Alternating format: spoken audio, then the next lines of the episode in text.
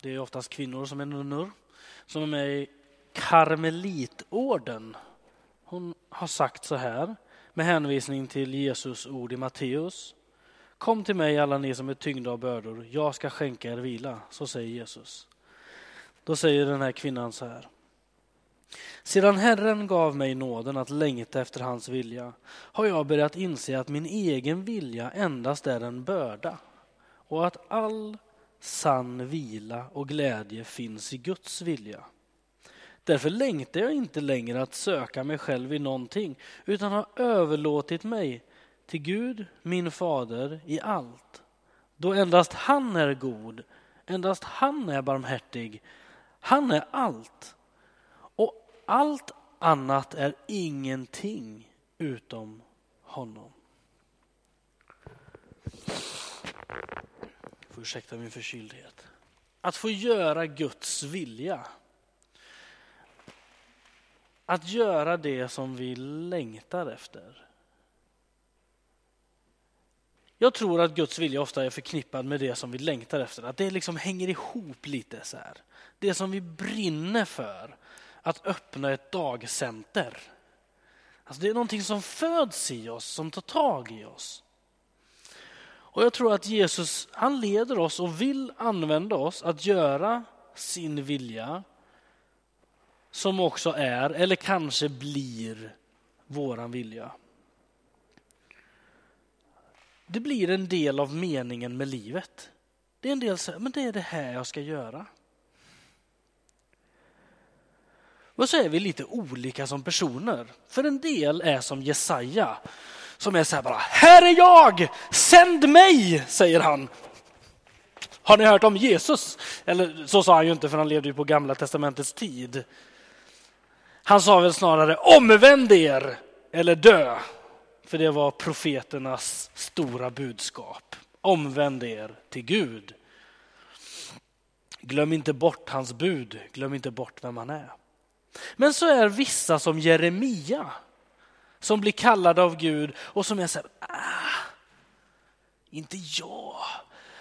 Alltså jag är ju så ung. Fast man, det finns ju andra bortförklaringar än att man är ung. Mose till exempel, han kunde ju inte tala sa han och han var lite rädd och sådär. Det finns mycket som man kan skylla på. Och en del av oss kanske är sådana.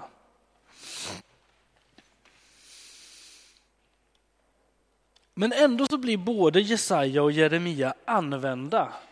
Stora profeter i Guds rike och som vi kan läsa om i Guds ord idag. Deras ord som fortfarande ekar, som fortfarande gäller för att de svarade ja på kallelsen. Jesaja med sitt iver att verkligen göra det. Jeremia med sin sån här lilla, jag vill inte. Och Gud bara, men gör det ändå. Och han, okej. Okay. Säkert inte alltid lätt, säkert inte alltid roligt. Det är ju inte roligt att komma med en domspredikan till folk. Men ändå meningen med livet, alltså meningen med deras personliga liv. För det var vad Gud hade kallat dem till att göra.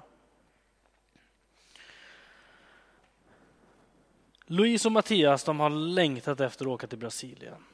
Och det är så härligt att de har gjort det på var sina håll, hittar varandra, gör det tillsammans och sen åker. Och helt plötsligt så blir det som att nu är det rätt. Eller? Jag har inte pratat mer om det innan men jag liksom antog det. De nickar.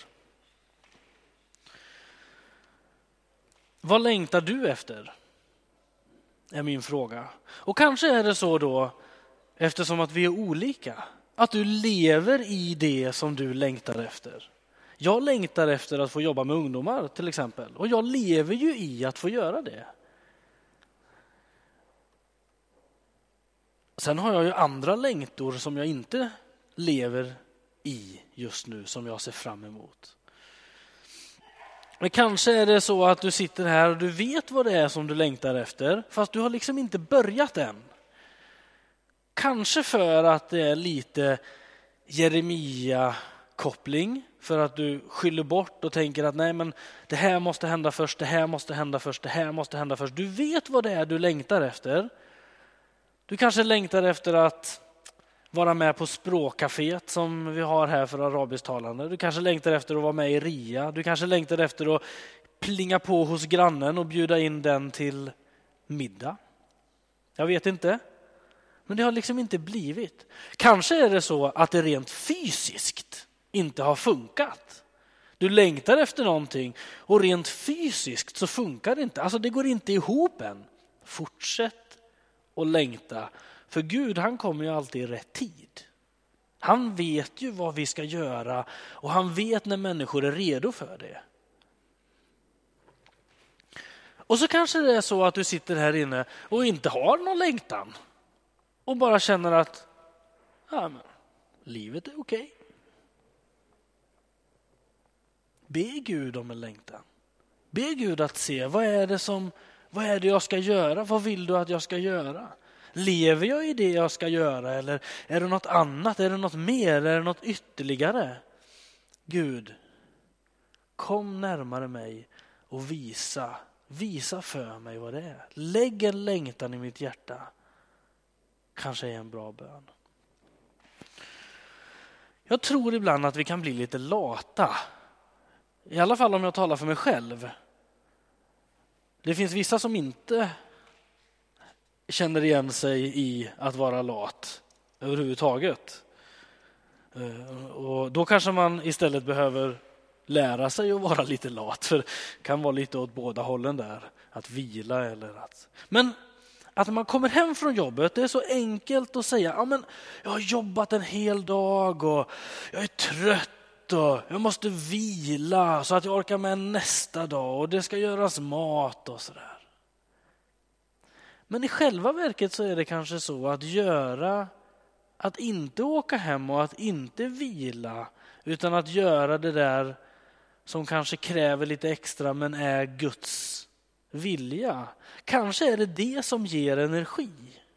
Kanske är det det som vi får energi av snarare än att ligga på soffan och för egen del spela mobilspel. När Jesus sitter med kvinnan vid Sykars brunn och har ett samtal i Johannes 4, då pratar de ju med varandra jättemycket och kvinnan blir frälst och börjar tro på Jesus som Messias, hämtar byn och massa ifrån hennes by börjar också tro. Sen kommer lärjungarna tillbaka och så har de mat med sig för att alla var hungriga och Jesus väntade kvar vid brunnen. Det är ju ändå rätt smidigt att vara en sån mästare och kunna säga men gå och handla mat ni så, så sitter jag här och väntar.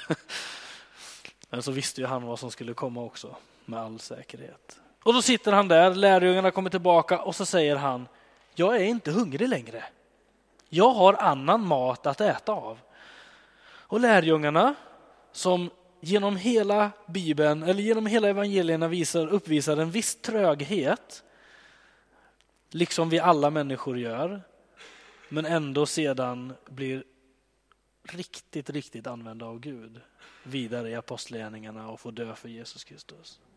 De säger till Jesus, eller till varandra, så här, men vem har gett honom mat? Det är ju ingen här. Vem har han pratat med? Det är ju, det är ingen som kommer hit till brunnen mitt på dagen och och då säger han, jag har mat som ni inte känner till. Min mat är att göra Guds vilja. Ibland tror jag att vi har tappat det lite. Just det, min energi är att göra Guds vilja.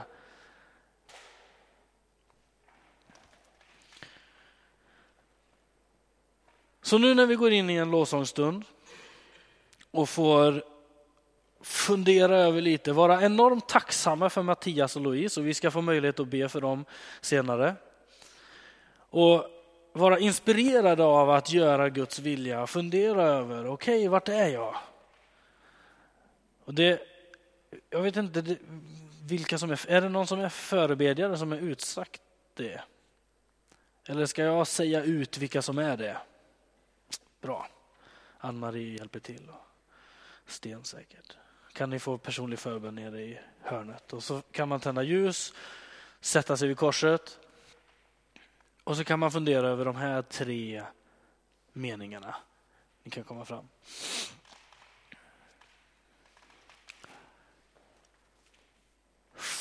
For, det här är första. Fortsätt att göra Guds vilja. Och det här är andra. Börja att göra Guds vilja i ditt liv. Och det här är tredje. Sök efter Guds vilja i ditt liv. Vi är på olika ställen i livet. Vi har olika saker som vi kämpar med. Så antingen så kanske känner du igen dig i någon av de här tre meningarna. Fortsätt att göra Guds vilja i ditt liv. Börja med att göra Guds vilja i ditt liv. Sök efter Guds vilja i ditt liv. Herre, jag ber att du ständigt visar oss och ständigt leder oss i att göra din vilja och vad du ämnar för oss Gud. Och jag ber att det är någonting som får ge energi, att det är någonting som får ge oss ytterligare en mening med livet. Ytterligare någonting som vi upplever, ja vi är satta till jorden för ett uppdrag. Hjälp oss att veta vad det är Herre. Hjälp oss att fortsätta. Hjälp oss att börja och hjälp oss att söka. I Jesu Kristi namn. Amen.